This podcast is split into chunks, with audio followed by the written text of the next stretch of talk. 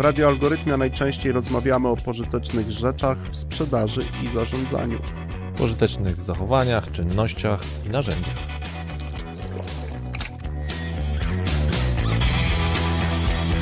O prakseologii i dowodach. Czasem o ich braku. O, moment, moment, jeszcze o dobrych książkach i rzecz jasna gości ciekawych zapraszamy. No, jednym słowem w tym radiu o dobrej robocie gadamy. O dobrej robocie w sprzedaży i zarządzaniu.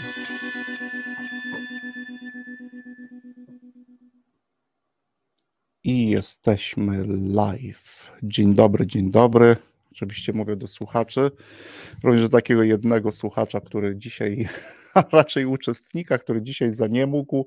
W związku z tym dzisiaj po prowadzeniu audycji podjąłem się sam ale też e, słuchacze trochę skrócimy tą audycję, czyli nie 6 setów, a ostatnia audycja tym razem będzie miała setów 4.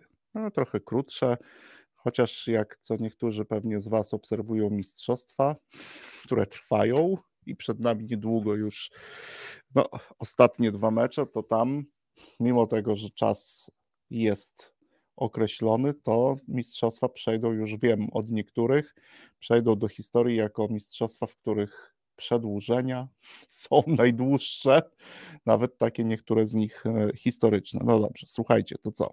Do, ja po pierwsze dotarłem do Was i muszę powiedzieć, że to dość, bo mimo pogody mm, na zewnątrz nie zmieniamy nawyków i rytuałów. Dzisiaj też trochę będziemy o pewnych nawykach i rytuałach sobie rozmawiać. W związku z tym pociągiem i na piechotę. No i centrum Warszawy. I muszę Wam powiedzieć, że przez chwilę w tym centrum Warszawy poczułem się tak, jakbym szedł po jakimś dziewiczym lądzie, ponieważ teren, którym szedłem, niestety żadnego odśnieżacza nie widział wcześniej, żadnej łopaty. Muszę powiedzieć Wam to, że przyjemne. No i myślałem e, sobie też w trakcie tej podróży, tak trochę zaczynając tą naszą audycję, o pewnych funkcjonalnościach kurtek zimowych, e, które e, dla mnie są na przykład bardzo ważne i istotne.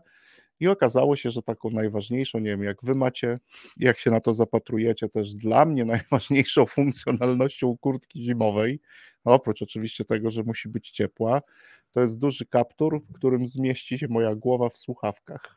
Bo jak tak tego nie ma, to ja czuję się nieco e, skrępowany, bo oczywiście muzyka też taka nastrojowa, mm, jak to przystało na piątek, i podróż przez zaspy mm, do studia, żeby przywitać się z Jankiem Szymonem. Dzień dobry, panowie. Dzisiaj będę trochę do nich też mówił e, w tym kontekście, bo mój szanowny kolega Konrad, którego zawsze widzieliście w drugim kadrze, a teraz go w kadrze nie ma, a nie ma go dlatego, że zaniemógł. Jest chory, Mówi, że nie groźnie. Konrad, pozdrawiamy, jak oglądasz.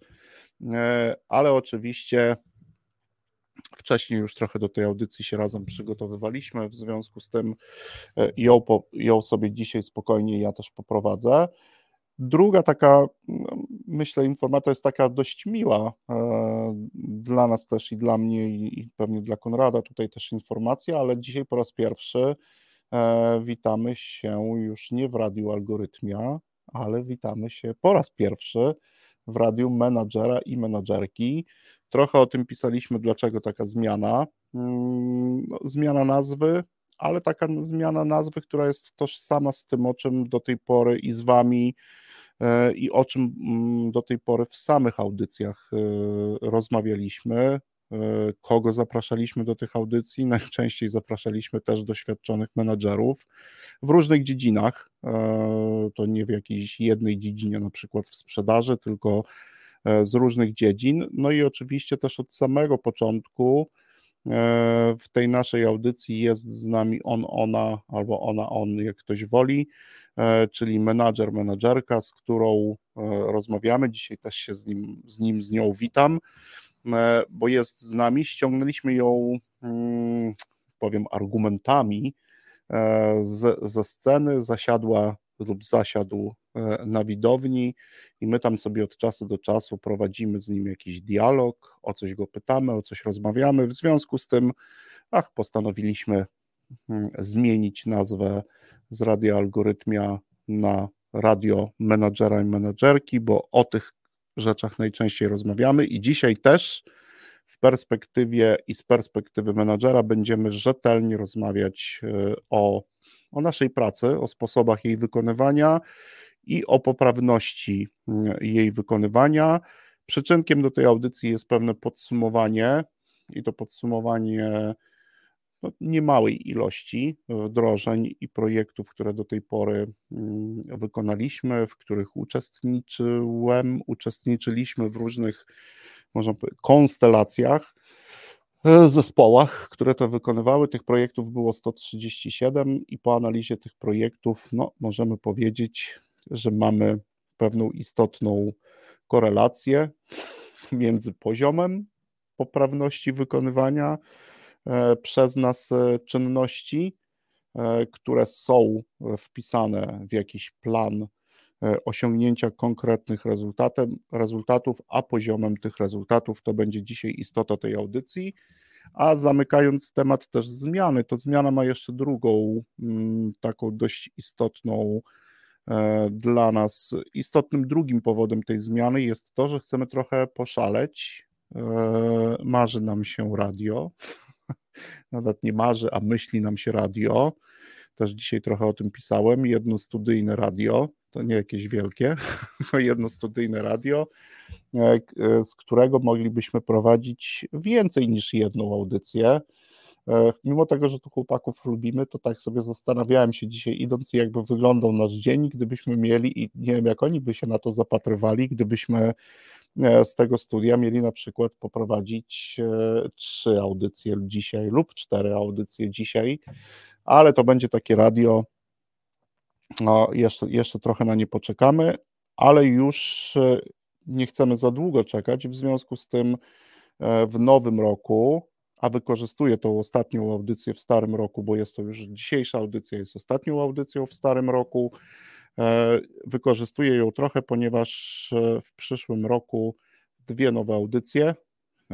Jak to fachowo Janek by powiedzieli ludzie z, z mediów, że to są dwa nowe formaty, tak? Nawet jeżeli to będą dwa nowe formaty, ale tak, bo audycje będą trochę krótsze będą publikowane przez nas raczej w formie podcastu niż wideo podcastu, tak jak to dzisiaj, także raczej mówić będziemy e, i będą to dwie audycje. Pierwsza audycja e, to podsumowanie bardzo częstego mojego uczestnictwa w różnego typu spotkaniach dotyczących sprzedaży, ale odbiorcami tych spotkań a i zresztą bardzo e, ciekawymi pytajnikami, czyli osobami, e, osobami, które zadawały i zadają bardzo ciekawe pytania. E, są osoby, czyli ja jako sprzedawca, mówię i odpowiadam na pytania nie sprzedawców, którzy sprzedają. I okazało się, że ta grupa jest liczna. W związku z tym najbliższa nasza nowa audycja też będzie właśnie to taką audycją, w której sprzedawca doświadczony sprzedawca będzie mówił do niesprzedawców e, o tym, jak wa- albo nad czym warto się zastanowić sprzedając. Po co?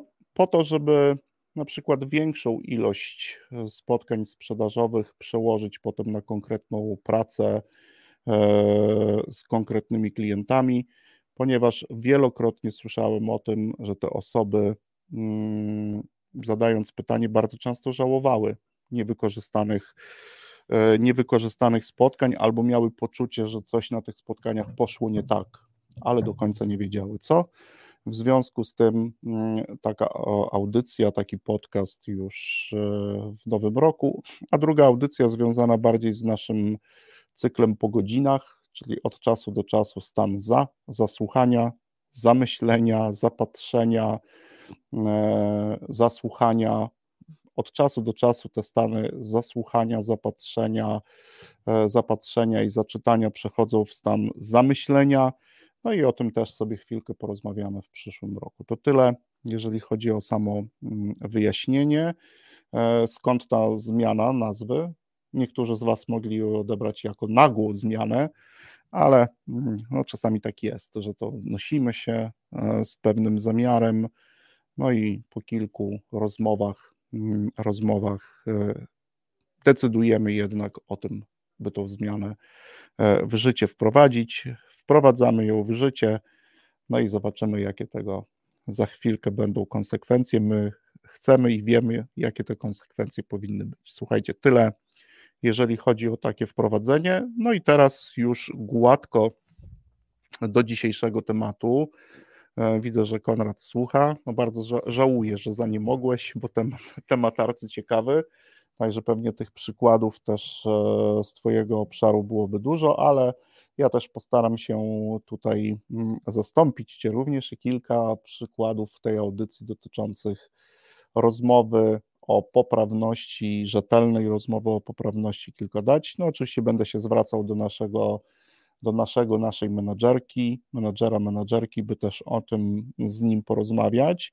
On akurat jest dzisiaj, czy on, ona jest w dobrej pozycji, ponieważ jest w pozycji obserwatora, a często pomiar poprawności wynika właśnie przygotowania chociażby sposobu e, obserwacji, jakiejś podjęcia się, jakiejś próby obiektywizacji, sposobów obserwowania e, pracowników lub ludzi, którzy dane czynności wykonują. No ale dobra, żeby zacząć od początku, to w samym tytule dzisiejszej audycji mamy dwa słowa, czyli fajne, takie, zwłaszcza to, to rzetelnie, ktoś jest rzetelny, to pierwsze słowo to rzetelnie, drugie to oczywiście słowo poprawnie, czyli dzisiaj rzetelnie rozmawiam z Wami ja i rzetelnie rozmawiamy o poprawności e, wykonywania przez nas różnych czynności, no, w efekcie których mamy osiągnąć lub osiągamy jakiś, e, jakiś rezultat. Co do tego pierwszego słowa, to jak sobie, nawet jak macie gdzieś pod ręką, zajrzyjcie sobie do, do, do definicji słownikowej tego słowa, to takie słowo, którego ja mam wrażenie trochę w przestrzeni publicznej używa się rzadziej. My kiedyś o takich słowach w naszych audycjach mówiliśmy, że to niektóre słowo to już trą, trącą, trąci e, oldschoolem i nie są, nie są to tak ciekawe słowo jak młodzieżowe słowo roku 2022. Panowie wiedzą, jakie słowo jest e, Essa, Essa. Słyszałem od mojego syna, że jest przeciwność Essy. Nie wiem, czy słyszeliście, jak, e, jakie słowo jest przeciwne do, do młodzieżowego roku, e, do młodzieżowego słowa roku, do Essy. Bessa. Tak, tak, tak, tak. No, też ciekawa logika, nie? Essa to, co to, ja też chyba dokładnie, ale chyba super. Nie pamiętam dokładnie. Essa, super, super. Tak, tylko Essa się wtedy mówi. I jeszcze jakiś znak się pokazuje. Tego już nie pamiętam, bo to, ale dopytam e, syna, bo on e, też zresztą ten wątek, e, ten wątek zaczął. Mm, gdzieś tam to słowo u niego się też pojawiło. Ja kiedyś śledziłem na bieżąco te młodzieżowe słowa roku, a w tym roku 22 gdzieś ono mi przeszło. No ale wracając sobie do naszej definicji, żeby też gdzieś, no to taka definicja słownikowa słowa, słowa rzetelnie, rzetelny, ktoś jest rzetelny, to ktoś, kto wypełnia należycie. I znowu pojawia się słowo należycie, wypełnia należycie swoje obowiązki. My moglibyśmy powiedzieć, że no, skoro rzetelnie e, chcemy dzisiaj porozmawiać e, o tej rozmowie, e, o poprawności, to będzie to rozmowa, która będzie określona pewnymi wymaganiami. No i to ostatnie znaczenie słownikowe mm, słowa rzetelnie, to znaczy, że zgodne z prawdą, wiarygodna, czyli to będzie rozmowa, będziemy zmierzać w stronę prawdy, pokazywać Wam pewne rzeczy, które udało nam się w kontekście poprawności zmierzyć, a tak naprawdę to wpływu poprawności na osiąganie rezultatów. No i będziemy chcieli przekonać Was co do wiarygodności e, tego. Mm, choć czasu niewiele, to myślę, że w niektórych e, aspektach nam się to uda. Czyli pierwsze słowo, zgodnie z prawdą, wiarygodnie albo w wiarygodny sposób dzisiaj o poprawności. No i teraz to drugie słowo, to jest w ogóle mm, słowo, od którego można byłoby zacząć tą dzisiejszą historię, też o tym wspominaliśmy trochę publicznie. E, to jest e, początek poszukiwań jakieś 10-12 lat temu, moich poszukiwań jako menadżera systemu lub pewnych systemów, modeli, e, które dotyczyłyby albo dotyczą sposobów wykonywania e, czynności, działań, różnego typu akcji podejmowanych przeze mnie w pracy, którymi to sposobami można byłoby zarządzać w taki świadomy sposób, czyli właśnie zbudować sobie jakiś mini system, dzięki któremu to systemowi podnoszenie czy też poprawianie sposobów e, wykonywania tych czynności oddziaływałoby na rezultat in plus. In plus. No i to, to był taki początek, bo oczywiście już kończąc pierwszą część naszej audycji, że słowo poprawnie i my też o takiej poprawności będziemy rozmawiać. Tu wybrałem jeden z tych, z tych to jest zgodnie z obowiązującym na przykład standardem, zgodnie z obowiązującym, opisanym sposobem wykonywania. No, my biznesowo moglibyśmy powiedzieć, że zgodnie z procesem albo zgodnie z procedurą. No i o takiej poprawności rzetelnie, czyli w wiarygodny sposób, w dążeniu do prawdy, będziemy już mówić w drugim secie, a teraz, znaczy ja będę mówił w drugim secie, a teraz zapraszam Was na pierwszy set muzyczny i słyszymy się za kilka minut.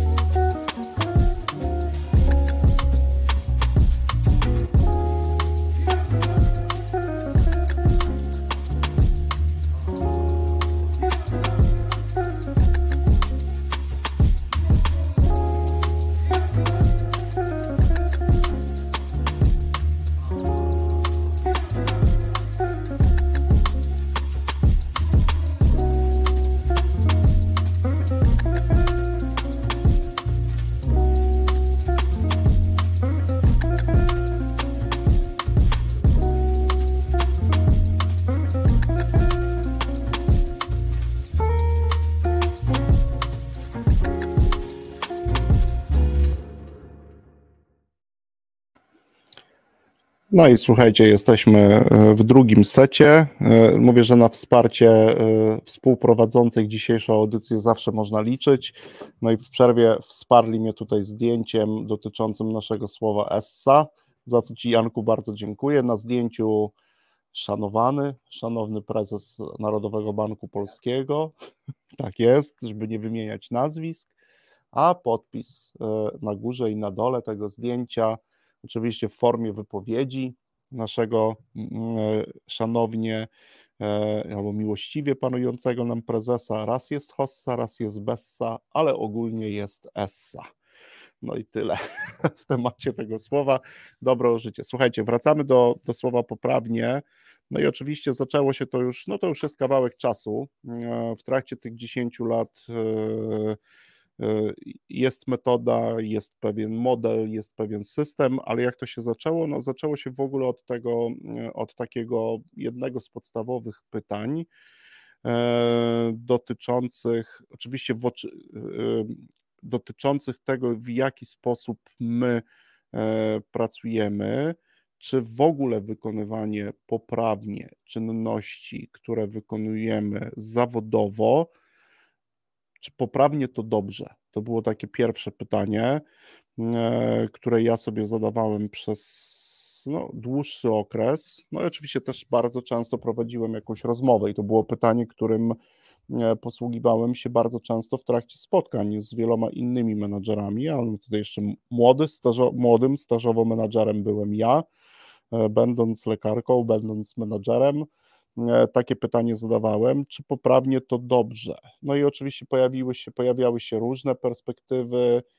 często pojawiała się taka perspektywa językowa nasza, E, to znaczy no, poprawnie nie, nie, za dobrze. To znaczy, no, coś zrobione zostało, coś zostało wykonane, ale raczej kojarzone było to z takim zwrotem: no, siadaj poprawnie, siadaj truja. No, jest ok, ale bez zbytniego dużego entuzjazmu. E, oczywiście najczęściej były to e, takie odpowiedzi, które E, nie były odpowiedziami, ani przykłady tych zachowań były zachowaniami, które nie były związane właśnie ze sferą zawodową. W związku z tym, no to pytanie ja poprzez taką analogię szybko przenosiłem na sferę zawodową.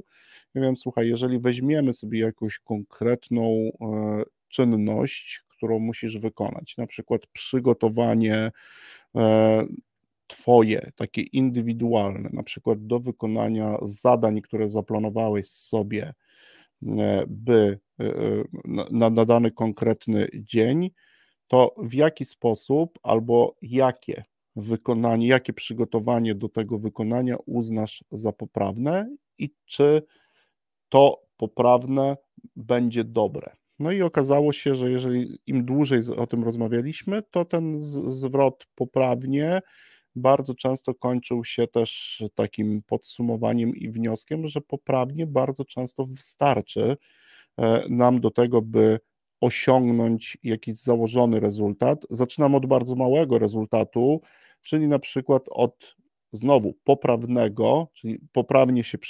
przygotowałem, w związku z tym również w efekcie poprawnie wykonałem zadania, które dzisiaj chciałem wykonać. I to jakby, jakby po pierwsze. Oczywiście, jeżeli przyjmę sobie pewne założenie, bo my możemy też jako menadżerowie, tak się zwracam dzisiaj do, on, do one i do onego, do tych dzisiejszych naszych rozważań, a też o kilka rzeczy będę Was dzisiaj chciał popytać, żebyście być może jakąś pracę domową sobie przez najbliższe dwa tygodnie e, spróbowali też w konsekwencji tej dzisiejszej rozmowy, audycji E, sobie odrobić, no, my możemy przyjąć założenie, że poprawne wykonywanie przez nas czynności, z których bierze się wynik, czyli takich zachowań skutecznych i czynności skutecznych, jest wystarczające e, do tego, by osiągnąć rezultat. Oczywiście tu od razu pojawi się pytanie, no powinniśmy to zmierzyć. My to wielokrotnie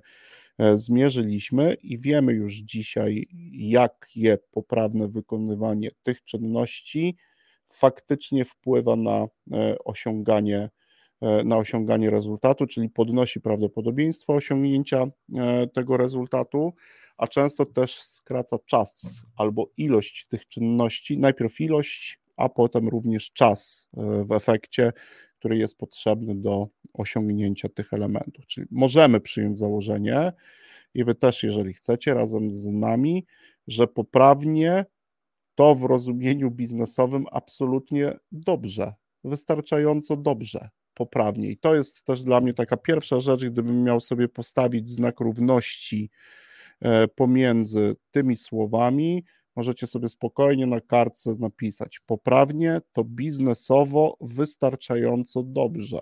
Wystarczająco dobrze. W kontekście wielu rezultatów, które, które osiągaliśmy, to wystarczająco dobrze w zupełności wystarczy do tego, by przynajmniej podnieść prawdopodobieństwo osiągania tych e, rezultatów.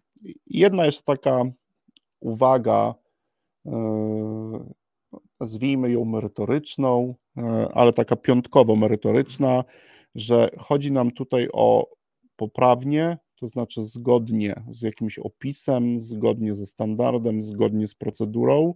Też w rozumieniu angielskiego słowa properness, no właśnie, to jest takie prawidłowe, dobre wykonanie. Natomiast uciekamy od takich e, korelacji, chociaż o tym procesie doskonalenia pewnie też dzisiaj gdzieś wspomnę kilkukrotnie, ale chodzi tutaj przede wszystkim i uciekamy od e, wędrówek i skojarzeń ze słowem correctness, bo na razie nic nie korygujemy. Chcemy bardziej porozmawiać o poprawnym wykonywaniu e, konkretnych czynności niż o korygowaniu tych czynności, bo pierwotne w stosunku do korygowania jest poprawne wykonanie, czyli my musimy mieć jakiś punkt odniesienia. No i teraz gładko, bo to było pierwsze pytanie, tak gładko przechodzimy do tego drugiego pytania, no bo skoro mówimy, że poprawnie to wystarczająco dobrze, to dobrze byłoby, żebyśmy mieli ów punkt odniesienia. No i tym punktem odniesienia właśnie jest chociażby drugie pytanie, które można sobie zadać, czyli poprawnie, wystarczająco dobrze, to znaczy jak? No jak zadaję sobie pytanie jak, no to teraz już niestety, żeby o tej poprawności móc mówić i o jej wpływie, trzeba na to słowo odpowiedzieć. No i my mamy różne możliwości jakby tworzenia takich punktów odniesienia, tworzenia różnego typu sposobów opisu e, działania.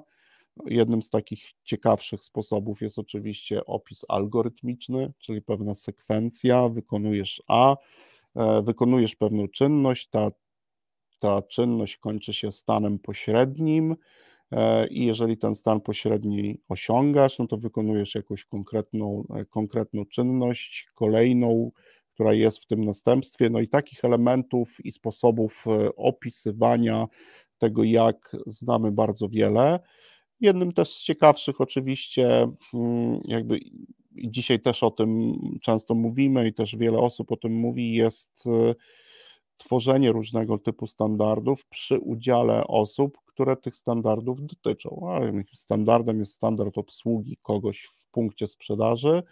No i możemy oczywiście do tworzenia takiego punktu odniesienia E, zaprosić również naszych klientów. Tak? I to, co mówią nasi klienci? No mówią, że w takiej sytuacji, w takim momencie, bardzo często o tej porze dnia e, w tym punkcie chcieliby być obsługiwani w określony sposób. No i zbierając oczywiście określoną e, ilość informacji, wybierając elementy raczej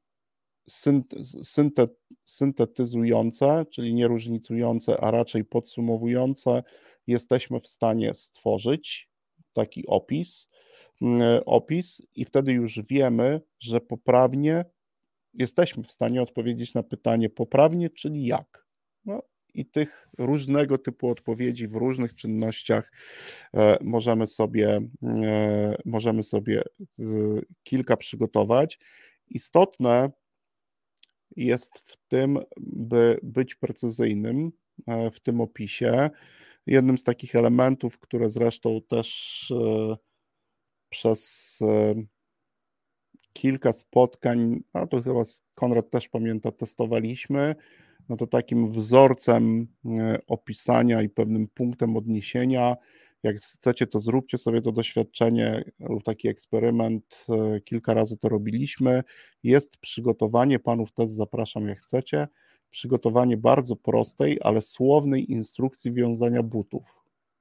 Wiązania butów.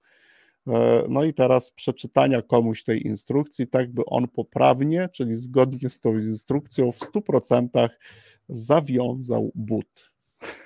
Muszę Wam powiedzieć, że doświadczenia ciekawe, uśmiech, uśmiecham się na, wielu, na wiele osób, które tej próby się podjęły. Nieskutecznie, nieskutecznie. Oczywiście najłatwiej byłoby znaleźć osobę, która do tej pory butów e, nie wiązała, ale często zaczyna się to na przykład od takiego zwrotu: weź sznurówkę do dłoni.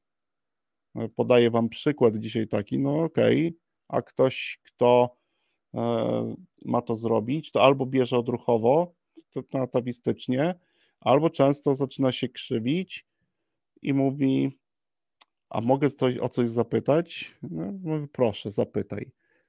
a którą dłonią mam wziąć którą sznurówkę, czyli do której dłoni, do lewej czy do prawej wziąć którą sznurówkę, lewą czy prawą. I teraz w którym momencie? No, po, po, pokazuję Wam, że czasami e, sam sposób opisu e, owej poprawności, czyli poprawnego sposobu wykonywania czynności może być zabawny dla nas również, może być trudny, może być złożony, i jeszcze jest jedna rzecz, która jest bardzo istotna, no, wymaga również weryfikacji. Nie jest tak, że sobie usiądziemy w wąskim gronie, e, postanowimy, że poprawny sposób e, wykonywania tej czynności e, jest taki a taki. Możemy też przygotować różnego typu eksperymenty poprawnego wykonywania i zmierzyć, czy to, akurat to poprawne wykonanie ma wpływ na rezultat a co jeśli na przykład w innej grupie, która wykonuje tą samą pracę, ten poprawny sposób wykonywania czynności będzie różnicował jakiś jeden element. Też takie eksperymenty dzisiaj w sferze biznesowej od czasu do czasu możemy przeprowadzić, ale żebyśmy mogli mówić o wpływie poprawnego wykonywania przez nas e, czynności, no to musimy niestety, albo stety, mówię do naszego menadżera, który tutaj siedzi, podjąć się trudy, trudu zdefiniowania poprawnego sposobu e, e, wykonania danej czynności. Ja nawet nie dalej jak wczoraj miałem też taką rozmowę i taką dyskusję akurat z jedną z osób, która uczestniczyła w spotkaniu, które dotyczyło poprawności. I ona słuchając, słuchając tego, o czym rozmawialiśmy w kontekście poprawności, E, zapisała sobie jedno, raczej pytanie, potem to było zadanie i o to zadanie też zapytała. Ona sobie bardzo szybko napisała, że fajnie byłoby stworzyć sobie swój katalog takich czynności, które najczęściej wykonuje i zacząć się zastanawiać nad tym, jakie wykonuje i czy każdy z tych, e, czy każde z tych wykonań jest poprawne. No i to pojawiło się pytanie też, w jaki sposób wybrać e, sobie te spotkania, ale w efekcie E, sama przygotowała sobie takie zadanie skatalogowania czynności, które najczęściej wykonuje, by osiągnąć konkretny rezultat. I drugą częścią tego zadania było na razie zastanowienie się, po czym mogę poznać, że wykonuję to E, tą czynność poprawnie. Spróbujcie, to tak mówię do wszystkich słuchaczy, to jest nie lada gratka i nie lada gratka w kontekście e, jakby wysiłku intelektualnego, który trzeba włożyć w to, by po pierwsze skatalogować e, czynności, które często wykonujecie, a które waszym zdaniem mają wpływ na rezultat, na przykład za który odpowiadacie, Mm, na razie nie będę Was y, też, oczywiście to też często wymaga weryfikacji, czy my faktycznie w katalogu mamy właściwe e, czynności, ale spróbujcie sobie też e, taki element, e, element, takie zadanie po prostu wykonać. No zobaczycie, że to nie jest zadanie łatwe, to nie jest zadanie trywialne, a jak jeszcze będziecie chcieli je wykonać precyzyjnie, czyli opisać za pomocą kilku zdań oznajmujących to, co robicie w taki sposób, by osoba, która wykonuje pracę w podobnej roli, zrozumiała, co robicie, no to to okaże się już niełatwym, a wręcz odpowiem bardzo trudnym zadaniem. Często też pytam menadżerów, e, czy taki katalog czynności mają, posiadają, jak myślicie lub domyślacie się, często odpowiedź brzmi, że go nie mają. My go oczywiście mamy skatalogowanego w pamięci proceduralnej, ale trochę inaczej ta pamięć proceduralna funkcjonuje, a celem naszym jest e, sprawdzić, czy w ogóle w kategorii poprawności myślimy, czy wy myślicie w kategoriach poprawności o czynnościach, które najczęściej wykonujecie, by osiągnąć konkretny cel, zrealizować zadanie E, lub w efekcie realizacji zadań i celu osiągnąć konkretne rezultaty. Kończę, stawiam kropkę. Zapraszam Was na drugą przerwę muzyczną i słyszymy się w trzecim secie.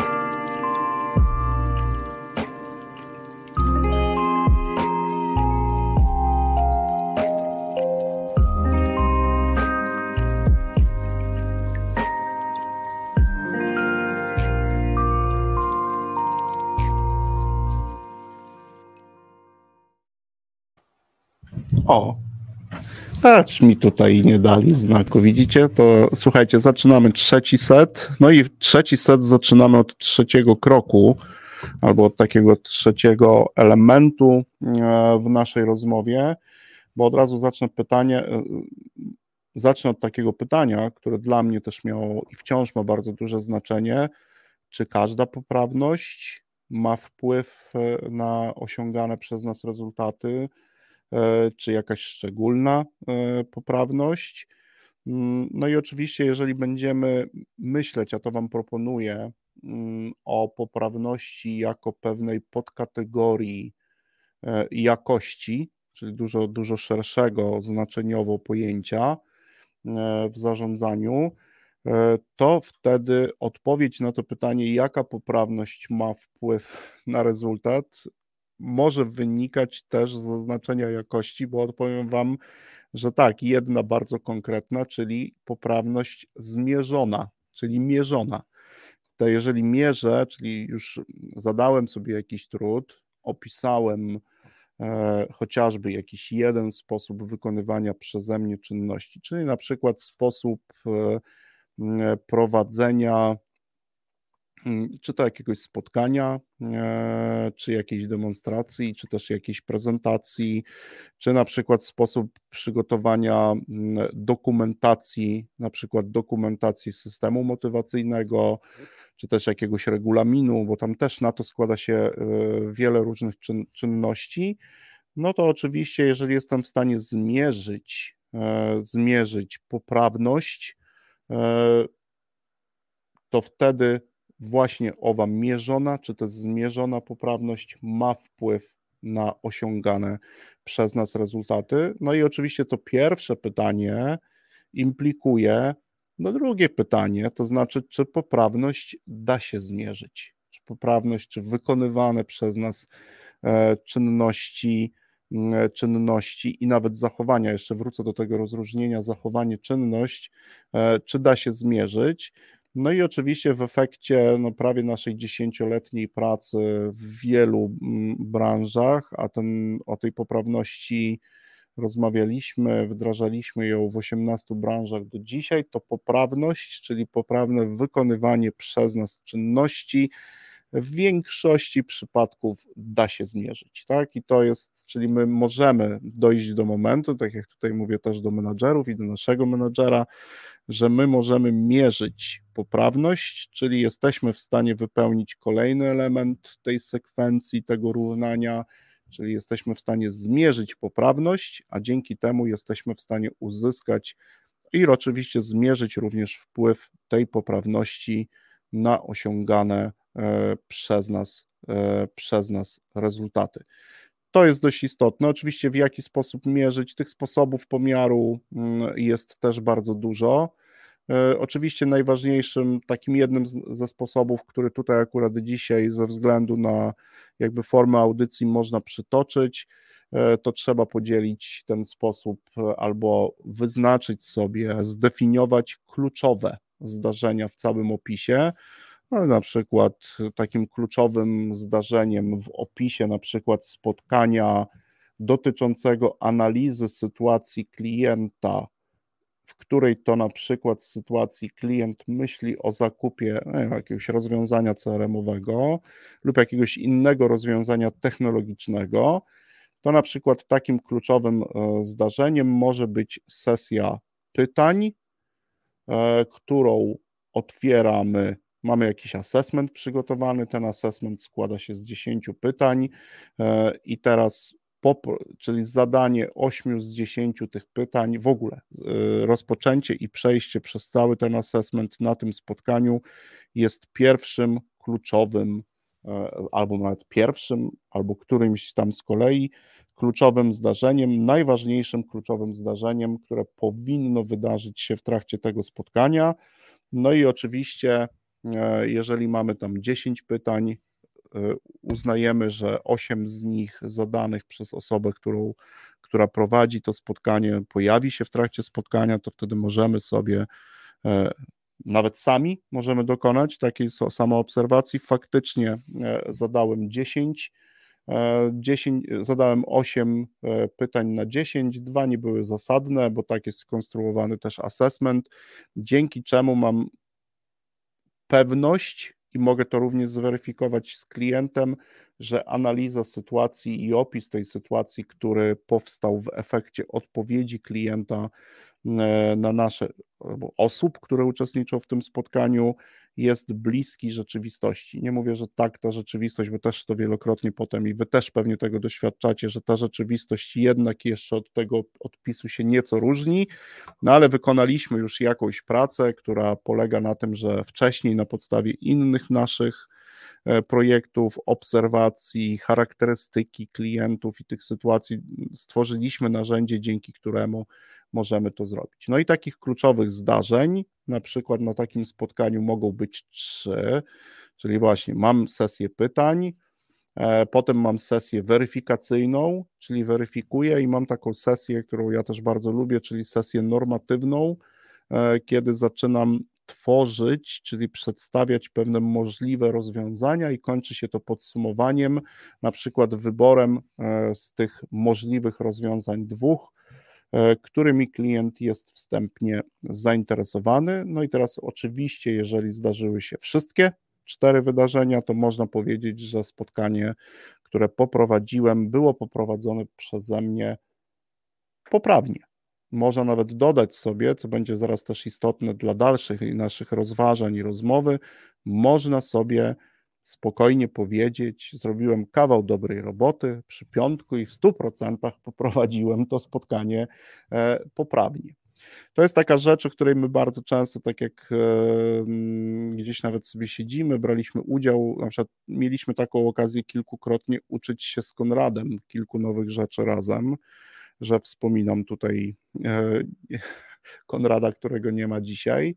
I to jest taki element, o którym bardzo często rozmawiamy i rozmawialiśmy, że w trakcie nauki na przykład nowych e, elementów zawsze brakowało nam takiego elementu mm, dopełnienia różnych instrukcji udzielanych nam przez osoby, które nas uczyły, e, które, który, dzięki którym utrzymalibyśmy się w pewnym schemacie. No bo jeżeli ktoś zbadał jakiś schemat, on wie, że jest skuteczny, to instrukcja powinna być uzupełniona o elementy, czyli właśnie o takie kluczowe zdarzenia, które przytrzymują nas w tym schemacie, czyli my się tego uczymy. No, często nam tego brakowało. Na przykład gdzieś mówi, zadaj pytanie, e, teraz w tym momencie rozmowy e, powinieneś zadać pytanie lub pytania dotyczące, e, dotyczące, dotyczące znowu rzeczywistości, sytuacji, przeszłości, w której był, y, w której był klient lub osoba, z którą rozmawiam. No i zawsze jest pytanie, czy to kluczowe zdarzenie w całej poprawności było też poprawnie wykonane, jeżeli mam w instrukcji pytania, a zadałem pytanie jedno. Jedno. E, no i często, jak obserwowaliśmy sobie te elementy, to często to jedno pytanie nie wystarczyło do tego, by dokonać no właśnie teraz, rzetelnej, znowu się pojawia to słowo, rzetelnej analizy sytuacji albo uzyskać bardzo precyzyjny opis e, sytuacji, w której nasz rozmówca był, jest lub za chwilę będzie, bo to też może być w tym kontekście. No i to jest taki jeden z elementów pomiaru poprawności, e, który zresztą bardzo serdecznie Wam polecam, e, czyli w całym opisie nawet mogę podkreślić sobie w standardzie, w procedurze, w rozmowie, Niektórzy o tym mówią takie kluczowe zdarzenie. Ja często mówię o tym, że to jest zdarzenie kierunkowe, które symptomatycznie pokazuje nam kierunek, w którym zmierzamy, jeżeli chodzi o naszą poprawność i pozwala nam przejść do drugiego etapu. Niektórzy mówią, że to takie może jakieś stany w zarządzaniu projektami, mówi się o jakichś milestone'ach, chociaż ja tutaj wolę konkretne kluczowe zdarzenie. Jeżeli chodzi o analizę sytuacji, to są pytania w tym asesmencie, których ci pominąć nie wolno, są, mają charakter obligatoryjny, e, jest ich 5 na 10, jeżeli za, zadasz te 5, a konkretne są bardziej kontekstowe i możemy je w niektórych sytuacjach pominąć, to przyjmijmy, że kluczowe zdarzenie, które w poprawności całego zdarzenia na przykład waży aż 50%, to całe, wydarze- całe zdarzenie zostało wykonane w 50% poprawnie, a inne pozostałe kluczowe zdarzenia, jak podsumowanie, e, jak weryfikacja tego opisu, ważą trochę mniej. E, w związku z tym też możemy e, sobie to w jakiś sposób policzyć. Muszę Wam powiedzieć, tak patrzę też na, na tego naszego menadżera i też mówię do niego, słuchaj, i mówię też do Was, że mierzenie samej poprawności, sam sposób przygotowania tego pomiaru, jakichś wskaźników poprawności, my często wprowadzamy wskaźnik poprawności, wskaźniki poprawności wykonywania krytycznych lub najskuteczniejszych czynności e, w zespołach w ogóle jest, e, jak teraz powiem, to zastanawiam się, jak w piątek zostanę przez Was odebrany, ale jest czasami porywające. To jest naprawdę kawał ciekawej roboty, żeby samemu zadać sobie trud i zastanowić się nad tym, no, które z tych zachowań faktycznie będzie poprawnie wykonywane i jak tą poprawność, e, poprawno, poprawność zmierzyć. No, może to porwać, porywa wielokrotnie. Oczywiście to też jest jakiś element, który my w jakimś okresie czasu będziemy też obserwować, weryfikować. Być może ten sposób pomiaru i opisu będziemy doskonalić, bo to też oczywiście nie jest tak, że my tutaj nie możemy sobie wejść w proces mm, doskonalenia. Wracając, zamykając trochę klamrą ten trzeci krok, czy też trzeci etap, zmierzona poprawność wpływa na rezultat. E, I teraz to, co ma duże znaczenie, że my możemy naprawdę na wiele różno, różnorakich sposobów tą poprawność zmierzyć. E, możemy mierzyć ją sami w trakcie wykonywania tej czynności. Nie jest to łatwe, ale, ale, ale rabialne, jak to niektórzy mówią. Możemy bardzo często poprosić również kogoś o to, by nam pomógł e, w wykonywaniu E, w, w, w, dokonaniu tego pomiaru. To jest w ogóle też bardzo ciekawy aspekt dokonywania pomiaru, czyli dajemy komuś opis, dajemy komuś sposób i na przykład prosimy go, ładnie w tym naszym slangu się mówi, zadaniujemy taką osobę tylko na obserwację poprawności wykonania tej czynności. Nie, nie zwracaj uwagi na merytorykę, chyba że ta poprawność jest związana z merytoryką ale na przykład zwróć uwagę na to, czy wszystkie części składowe, e, na przykład tego spotkania, które poprowadziłem, wykonałem. Tak? No bo już chociażby to w tej obserwacji zwiększy e, poprawność wykonywania przeze mnie tej czynności. No i oczywiście można schodzić, można sobie tam doprecyzować e, niektóre rzeczy, ale czasami jedno, dwa, trzy kluczowe zdarzenia określone przez nas, w takim zaznaczone nawet e, przez nas w opisie tego zachowania, już nam podniosą prawdopodobieństwo poprawności wykonania tej czynności, a przez to również wpłyną in plus na prawdopodobieństwo osiągnięcia konkretnego celu i poprawnego wykonania zadania. A logicznym wnioskiem z tego jest, skoro poprawnie wykonuje zadania, e, które składają się na plan osiągnięcia konkretnego rezultatu, no to podnoszę również prawdopodobieństwo osiągnięcia samego rezultatu. No i to, co Wam mówię, to jest fascynująca robota. Do czasu do czasu ten sposób pomiaru poprawności e, opracować, ale fascynujące jest również potem obserwowanie ludzi, e, czyli pracowników, którzy tego pomiaru dokonują, czy tych osób zadaniowanych, a najciekawszą zawsze dla mnie obserwacją to jest to, jak reagują ludzie, którzy, którym mówimy o ich poprawnym sposobie wykonywania czynności, oczywiście z intencją e, wskazania jakby elementów, których e, albo nie było, to znaczy, że ten element, jego poprawność równa się zero, albo też no, wiele z tych czynności, które składają się na dane, na wykonane danego, danego zadania, e, było wykonanych po prostu niepoprawnie, czyli niezgodnie z tym, co zrobiliśmy. Tak? No i oczywiście też uwaga taka merytoryczna na koniec, bo za chwilę robimy przerwę i przechodzimy do finału, e, że to wcale nie jest e, algorytm, zgodnie z którym działa maszyna, ponieważ my najczęściej prosimy osoby o poprawne wykonywanie kluczowego zdarzenia w całym opisie.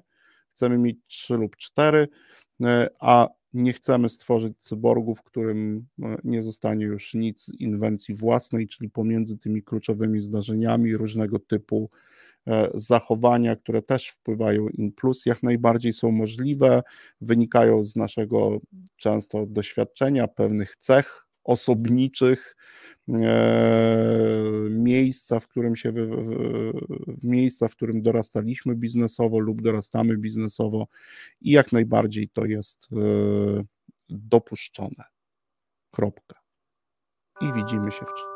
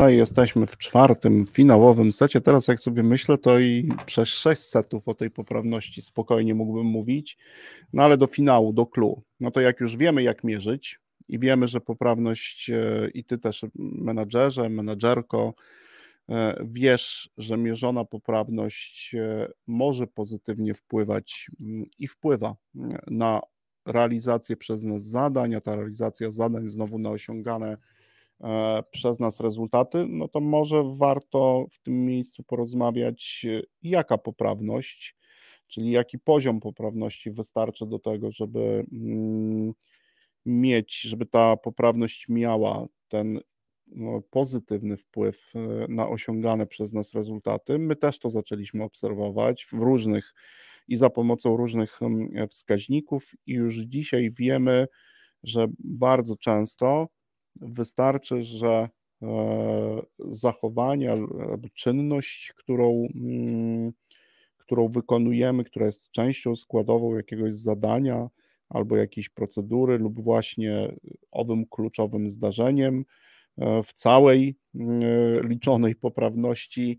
Często mówimy o tym, że ta poprawność wystarczy, że jest na poziomie 80%, czyli nie trzeba wykonywać w 100%, drogi menadżerze, droga menadżerko, wszystkich e, czynności w 100% poprawnie, albo jednej czynności w 100% poprawnie, bo zaraz o wszystkich czynnościach też będziemy mówić, tylko wystarczy często, że jest to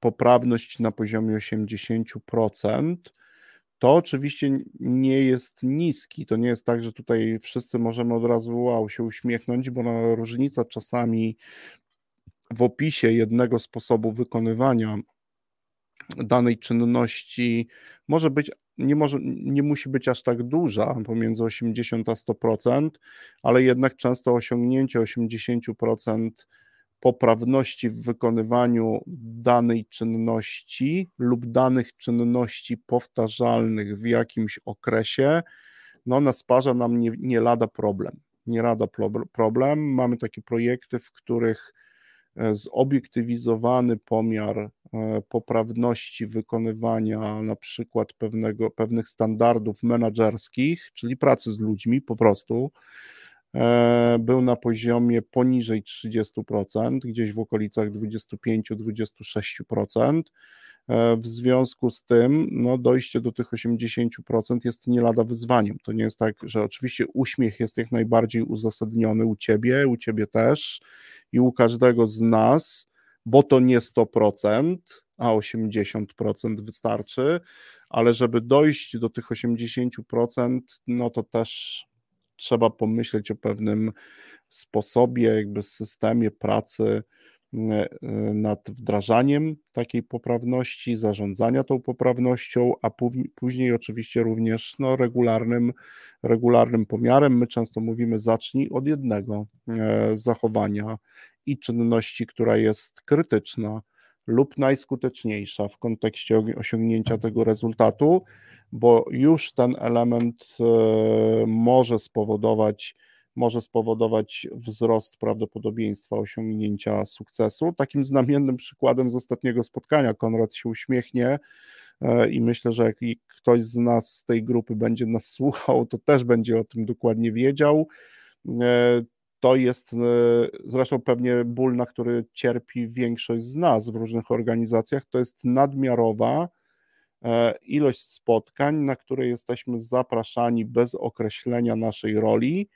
E, uczestniczymy w tych spotkaniach z jakiegoś takiego dziwnego obowiązku, no bo ktoś, no zaakceptowałem w kalendarzu, jestem częścią tego zespołu, ale to spotkanie nie ma, nikt nie powiedział mi, po co ja jestem na tym spotkaniu. Grupa osób jest bardzo duża e, na tym spotkaniu i często te spotkania kończą się, kończą się jakby to, to już powiem, totalną, totalną biernością z naszej strony, wychodzimy z poczuciem straconego czasu. Jeżeli teraz ta grupa ma 30 osób i my byśmy e, na przykład w standardzie e, organizacji spotkań takiego zespołu wpisali sobie kluczowe zdarzenie, czyli chcemy poprawnie organizować spotkania, poprawnie to znaczy tak, by ich przeprowadzenie miało wpływ na rezultat. No i tych spotkań ten zespół ma bardzo dużo i kluczowym zdarzeniem, tu podam Wam przykład, jest wprowadzenie bardzo prostej zasady,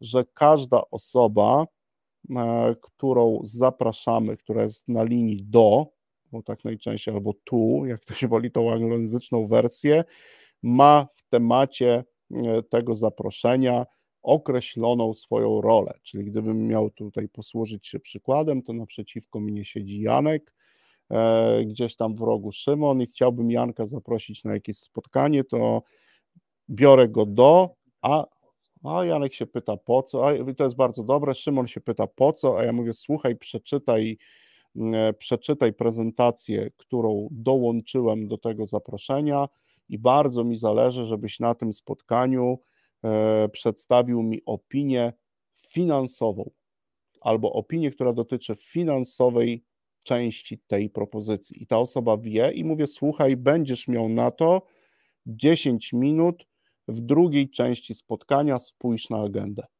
No i to jest, słuchajcie, to jest jasno określona rola. E, Janek, Szymon wiedzą, po co przychodzą na to spotkanie, i już w efekcie, często to też stosowaliśmy, już w efekcie takiego jednego kluczowego zdarzenia, e, po pierwsze, spada ilość osób zapraszanych na konkretne spotkania, czyli my musimy najpierw rozważnie zastanowić się, kogo zaprosimy, po co go, najpierw to po co go chcemy zaprosić, potem kto do tego po coś jest najlepszy. E, I naprawdę okazuje się, że organizujemy spotkania w, mniejszych, w, mniejszej, w mniejszym gronie, co też oczywiście, no bo jak możecie zadać pytanie, jaki to ma wpływ na osiągnięcie rezultatów? Ano taki, że częściej ludzie mają, po prostu ludzie mają więcej czasu na robienie rzeczy, które muszą zrobić, a nie chodzą ze spotkania na spotkanie, na którym nic nie robią, oprócz tego, że od czasu do czasu kusi e, i spoglądamy w telefon, nie zawsze w zawodowe rzeczy, pod pretekstem, że coś tam zawodowo sprawdzamy. Bardzo prosta rzecz. No i teraz wystarczy sobie ten element, nawet jeden, mierzyć. Mamy tych spotkań. Spotkań zespół organizuje 100. Niech teraz z miesiąca na miesiąc zmniejszy nam się ilość spotkań, w których nie ma określonych ról. Czyli na przykład wychodzimy ze stanu faktycznego, że na 100 spotkań w 95 spotkaniach nie było określonych ról. Czyli po co te osoby przychodzą? Niech nam spadnie to do 85 po pierwszym miesiącu, potem 65 i ten efekt e, już będzie przekładał nam się na to, jak wyglądają kalendarze naszych ludzi, a w efekcie oczywiście na rezultat. No i teraz to tylko też jako przykład, jako taki, jaki, jako finał. Wiemy już, że 80% to jest oczywiście uśredniona wartość przez nas e, ze 137 projektów, w których osiągnęliśmy prognozowane lub projektowane z naszymi klientami rezultaty. Lubię słowo zaprojektowane rezultaty, bo można je dzisiaj za pomocą różnych analiz, chociaż to, to samej można znak równości e, postawić, czyli zaprognozowane czy prognozowane i zaprojektowane, chociaż mi bardziej bliższe jest słowo zaprojektowane, bo dużo rzeczy można dzisiaj zaprojektować lubię w ogóle to określenie, zaprojektowane rezultaty. No ale jest jeszcze teraz istotna rzecz. Skoro ja zacznę wykonywać, bo to też jest bardzo istotne i ważne, to tam podam Wam taki przykład. Na przykład, przykład na przykład. Mam plan. Ten plan to jest oczywiście plan, który składa się z konkretnych zadań. Teraz wykonanie tych konkretnych zadań składa się z konkretnych czynności. Na razie jeszcze, na koniec powiem Wam o tych zachowaniach też, ale na razie, na razie, na razie, na razie czynności. Tych czynności jest 100 w moim planie. Przyjmijmy na okres. Niech ten okres będzie, że to jest miesiąc, czyli mam w miesiącu wykonać, zaplanowałem, że w tym miesiącu wykonam 100 czynności, których efektem będzie określone osiągnięcie rezultatu w wysokości 100%. Nie podaję żadnego przykładu tego rezultatu, po prostu wartość 100%. To teraz, już z tego, co Wam powiedziałem wcześniej, wynikałoby, że muszę te 100% czynności, by podnieść to prawdopodobieństwo osiągnięcia tego rezultatu, to jeżeli chcesz menadżerze zarządzać poprawnością, to, 8, to 100 tych czynności powinno być wykonane z minimum 80% poprawnością. No, byłoby to trudne, co Wam mówiłem. W związku z tym my zaczęliśmy się również zastanawiać, i ja też tworząc gdzieś z ręby tej metody pewne założenia, skoro ja od pierwszego wykonania, bo to jest chyba jedna z najistotniejszych informacji, które chcę Wam dzisiaj też przekazać, że jak się wprowadza takie zarządzanie poprawnością wykonywania czynności, to jak najprościej ludziom wyjaśnić intencje? No, powiedzieć tak, że chodzi mi o to, żebyś od pierwszego wykonywania, czyli od pierwszej czynności, którą wykonasz w tym planie, myślał o tym, żeby wykonać ją z 80% poprawnością. To jest ten kierunek. Nie, że ty w sumie osiągniesz 80% poprawność, tylko mi zależy na tym bardzo, żeby każde wykonanie z tych 100 zaczynać z myślą osiągnięcia 80%. Jeżeli teraz w ten sposób będziemy pracować na poziomie indywidualnym i na poziomie zespołu, no to drodzy menadżerowie i drogie menadżerki, to tutaj mocny argument do tego, żeby się zastanowić nad poprawnością, ponieważ jeżeli zaczniemy od punktu zero i będziemy przy każdorazowym wykonaniu czynności, która jest częścią tego planu, myśleć o osiągnięciu 80%, to w okresie miesiąca wystarczy nam, że wykonamy tych czynności nie 100, a 70.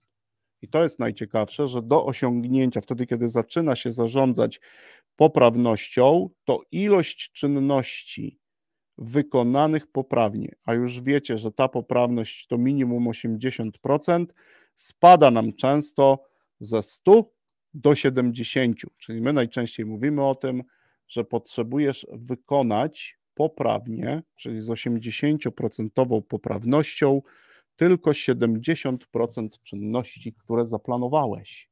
Dlaczego? Dlatego, że koncentrujemy się i koncentrujesz się ty, menadżerze, na tym, żeby te czynności były poprawnie wykonywane.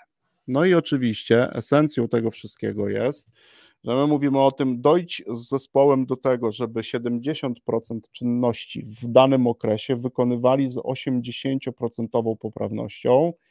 Jest jeszcze jedna istotna rzecz, o której zawsze mówimy. To jest też informacja dla menadżera, menadżerki, dla onego, onej, dla Was również, że nie, nie cały zespół musi wykonywać e, te czynności. Wystarczy, że 70% zespołu osiągnie takie parametry i wyniki też są w okolicach 100%. Zmierzyliśmy to wszystko, zrobiliśmy przedziały w przeciągu ostatnich e, prawie 10 lat różnych wdrożeń, projektów wdrożeniowych, chociaż najbliżej tutaj do słowa wdrożenia, wdrożenie modelu zarządzania poprawnością wykonywania czynności, na przykład w obszarze sprzedaży. Tych elementów było bardzo, bardzo dużo i tych wdrożeń było też bardzo dużo. No i wyszły nam takie zakresy, że jeżeli z tą 80% poprawnością, na średniej oczywiście, wykonasz 70-75% e, tych czynności, to wynik masz w zakresie 100%, 112%. To też jest już taki element, to jest jakby to prawdopodobieństwo, e, które tutaj jest. Jeżeli poprawność, o której tutaj mówimy, będzie dotyczyła 75% wszystkich tych czynności lub w przedziale od 75 do 86% czynności składających się na plan je wykonasz w 80% poprawnie, no to oczywiście rośnie nam e, zakres i to jest zakres od 106 do 121. A jakie są dwa pozostałe e, poziomy? E, to polecam Wam również sprawdzić sobie to, e, ponieważ już taką zajawkę też na LinkedInie zrobiliśmy. Ja tą tabelę zresztą też w artykule później, e, który będzie pokłosiem tej dzisiejszej rozmowy, też opublikuję.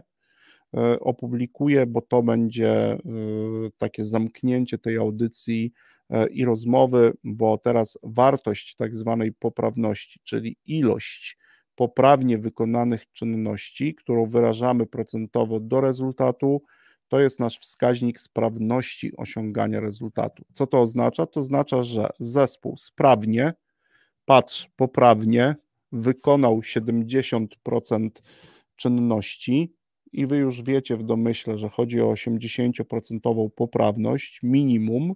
Ona czasami jest nawet mniejsza w niektórych zespołach. No przyjmujemy, że to jest takie dążenie do e, tej e, poprawności, no to wtedy wynik koreluje z tymi wynikami, które podajemy. My te, ten stosunek wartości rezultatu, czy też wartości poprawności do wartości ilości poprawnie wykonanych czynności do wartości osiąganych rezultatów nazywamy wskaźnikiem sprawności, sprawności osiągania rezultatów i oczywiście cieszy nas E, to, że oczywiście, jeżeli też jeszcze podniesiecie poprawność, średnią poprawność wykonywanych wszystkich czynności, to też jest ciekawa korelacja, że ilość tych czynności poprawnie wykonywanych do osiągnięcia rezultatu maleje.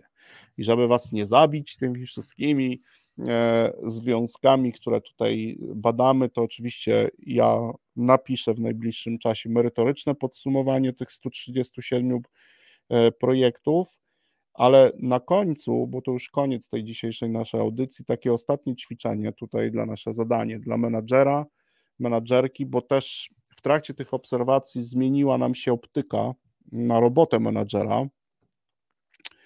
E, są takie dwa mechanizmy, jakby bardzo ważne i istotne, które też się pojawiły i które też często obserwujemy dzisiaj. E, pierwszy mechanizm, on jest związany z tym zadaniem. No, często o tym też mówimy, ale teraz to doprecyzujemy. A moje takie, moja taka prośba do menadżera to jest zastanów się, cofnij się, jeżeli to jest oczywiście możliwe, przemyśl sobie na przykład ostatni okres, ostatnie 3 miesiące, 6 miesięcy w swojej pracy menadżerko, menadżerze i zastanów się, jakie ty decyzje podjąłeś mm, lub co zrobiłeś, w efekcie czego stworzyłeś ludziom warunki do lepszego wykonywania ich pracy. Ja bym oczywiście pokusił się do poprawniejszego wykonywania ich pracy, ale nie zawsze mamy, ale do lepszego, e, bo my już często mówimy, że teraz Twoim obowiązkiem, drogi menadżerze, to jest e, tworzenie ludziom warunków do poprawnego wykonywania tej czynności i dobrze, gdyby to poprawne wykonywanie było coraz łatwiejsze. To my podnosimy mocno poprzeczkę. Często podaję tu taki przykład, jeżeli jest jakiś zespół sprzedaży, e, to jest mój przykład z mojego poletka i ktoś wprowadza CRM-a, to odpowiedzialny za ostateczny efekt wprowadzenia tego CRM-a w kontekście chociażby wykonywania poprawnego czynności przez zespół sprzedaży nie jest jakiś tam zespół, to on też, ale jest przede wszystkim dyrektor sprzedaży, bo to on odpowiada, bo CRM to jest ekosystem do pracy, do robienia pewnych rzeczy i to jest jego robota. To dzięki temu warunki do realizacji różnego typu zadań mogą być e, lepsze i człowiek może poprawniej wykonać e, czynność, na której nam zależy. To zastanówcie się nad takimi decyzjami. A druga finałowa korelacja jest taka, że też menadżerko, menadżerze łatwiej w wielu sytuacjach, a pewnie takich sytuacji macie yy, niemało, jest zwrócić komuś pozytywnie uwagę na to, jak wykonuje swoją pracę. Mówię zwrócić uwagę, żeby tu nie pójść, że chcę komuś po prostu przekazać informacje na temat tego, jak pracuje. Często tego typu informacje, mówię, robisz dobrą robotę, jeżeli chodzi o krytyczne zachowania i krytyczne czynności, e, które dotyczą mm, osiąganego, osiąganych przez Ciebie rezultatów, to wiesz co, muszę Ci powiedzieć, że 9 z tych 12 czynności wykonujesz e, z poprawnością w trakcie ostatniego okresu 10 e, na przykład miesięcy, wykonujesz e, z poprawnością wyższą niż 80%. I oczywiście pracownicy, znając ten element i te opisy, będą wiedzieli, co to oznacza. A to przekłada się znowu na jedną niesamowitą rzecz, że ludzie wiedząc o tym, że robią dobrze swoją robotę, Mm, coraz bardziej chcą ją wykonywać, chyba że zdarzą się inne zachowania, które mogą tą chęć obniżyć, ale najczęściej dochodzi do zaangażowania, czyli często taka bardzo konkretna informacja na temat tego, jak pracujemy, która jest potrzebna, jest zmierzona, jest ustrukturyzowana, przekłada się na to, że ludzie czują się bardziej kompetentni, i angażują się w owe poprawne wykonywanie tych czynności. Chociaż na początku, jak ten model wprowadzamy, różne są reakcje, od takich entuzjastycznych po skrajnie nieprzychylne, to w większości tych e, wdrożeń obserwujemy jednak, że pojawia się zaangażowanie, czyli ludzie sami chcą wykonywać poprawnie, my sami chcemy wykonywać poprawnie e, tą czynność. No, Zastanówcie się też, kiedy takiej bardzo konkretnej informacji, opinii na temat pracy udzieliliście ostatnio, e, takiej, gdzie by pojawiły się liczby, e, pojawiłaby się jakaś ocena jakości tej pracy. No już nie mówię o ocenie poprawności wykonania zadań, chociaż często też mówimy, bo no, też pewną formą mm, poprawności czy jakości wykonywania pracy jest na przykład terminowe wykonywanie pracy no ale też trzeba być uważnym, bo nie każde terminowe wykonanie zadania to znaczy poprawne wykonanie zadania. Zmieściłem się w terminie, ale zrobiłem to na godzinę przed terminem i efekt to, albo to, w jaki sposób wykonywałem to, to ćwiczenie, też pozostawia wiele. Chcę Wam tylko powiedzieć o tym, że jak pojawi się to zaangażowanie, to to zaangażowanie jest źródłem automotywacji, u ludzi. E, I bardzo często my zmieniając te warunki, czyli tworząc ludziom warunki, nie musimy już wielu innych rzeczy robić w takiej relacji jeden do jednego e, z ludźmi, by ich chęć do wykonywania pracy w naszym zespole rosła. Ja to stosuję od kilku lat. E, nie jestem wcale takim, to taka mały coming out, nie jestem wylewnym menadżerem, takim, który jest na każde zawołanie i nie jestem też menadżerem, który bardzo lubi o każdym aspekcie z pracownikiem rozmawiać, nawet bym powiedział, że w obyciu to oschłym jestem menadżerem, ale skupiam się w pracy nad tym, żeby tworzyć ludziom warunki do dobrego wykonywania swojej, swojej pracy. E, I często ta praca powoduje, że to wpływa pozytywnie na to, e, co też e, robimy, i często te osoby w zespołach takich chcą pracować. Tak, zostawiam Wam to jako znak zapytania bardzo na, duży na koniec. Zastanówcie się, bo na czym się koncentrujemy, kiedy ostatnio udzielaliście takiej opinii, informacji, takiej ustrukturyzowanej, z jakimiś liczbami, która jest konkretna, która jest zrozumiała. No i kiedy ostatnio podjęliście decyzje, a jeśli podjęliście takie decyzje, to jakie i czy zmierzyliście efekty takich decyzji w, w następstwie których możecie spokojnie powiedzieć, że warunki pracy do poprawnego lub jakościowo dobrego wykonywania czynności w waszych zespołach się podniosły. I mam taką prośbę, bo też takie pytanie zadam. Jeżeli ktoś z was znajdzie chwilę czasu i na privie napisze do mnie o takich decyzjach, to ja o kilku takich decyzjach e, z kilkoma osobami kolejnej audycji radiowej z chęcią bym porozmawiał, bo mam taki pomysł, żeby teraz zaprosić kilku słuchaczy do nas, którzy w tych rolach menedżerskich mierzą się z różnymi rzeczami i o takich decyzjach porozmawiać. Słuchajcie, życzę Wam dobrej końcówki e, tego starego roku. Życzę Wam dobrego startu w nowym roku. Za dzisiaj, za piątek Wam e, dziękuję. Mam, że może taki piątek pod rozwagę e, ku jakimś rozmyślankom. Niech będzie tak, że może przez chwilę się zasłuchaliście, a ten stan zasłuchania przejdzie w jakiś stan zamyślenia i może zaowocuje, ale nie jak w owocowe czwartki, że będą w efekcie tego jakieś rozmyślanki dotyczące tego, jakie decyzje warto podjąć w przyszłym roku, by zmienić warunki, w których pracujemy razem ze swoimi zespołami na takie, w których będzie łatwiej, jakościowo dobrze w naszym języku poprawnie wykonywać czynności i tego Wam życzę. To takie moje życzenia noworoczne w ostatniej audycji w tym roku w radiu menadżera i menadżerki. Dzięki za dzisiaj.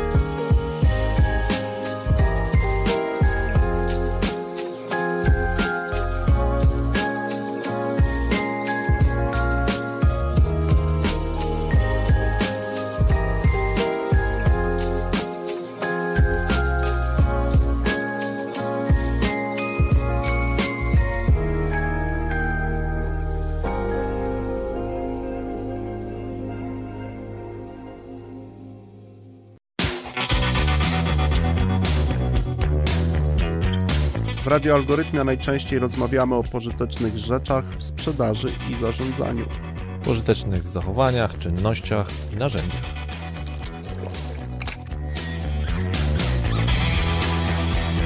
O prakseologii i dowodach. Czasem o ich braku. O, moment, moment, jeszcze o dobrych książkach i rzecz jasna gości ciekawych zapraszamy.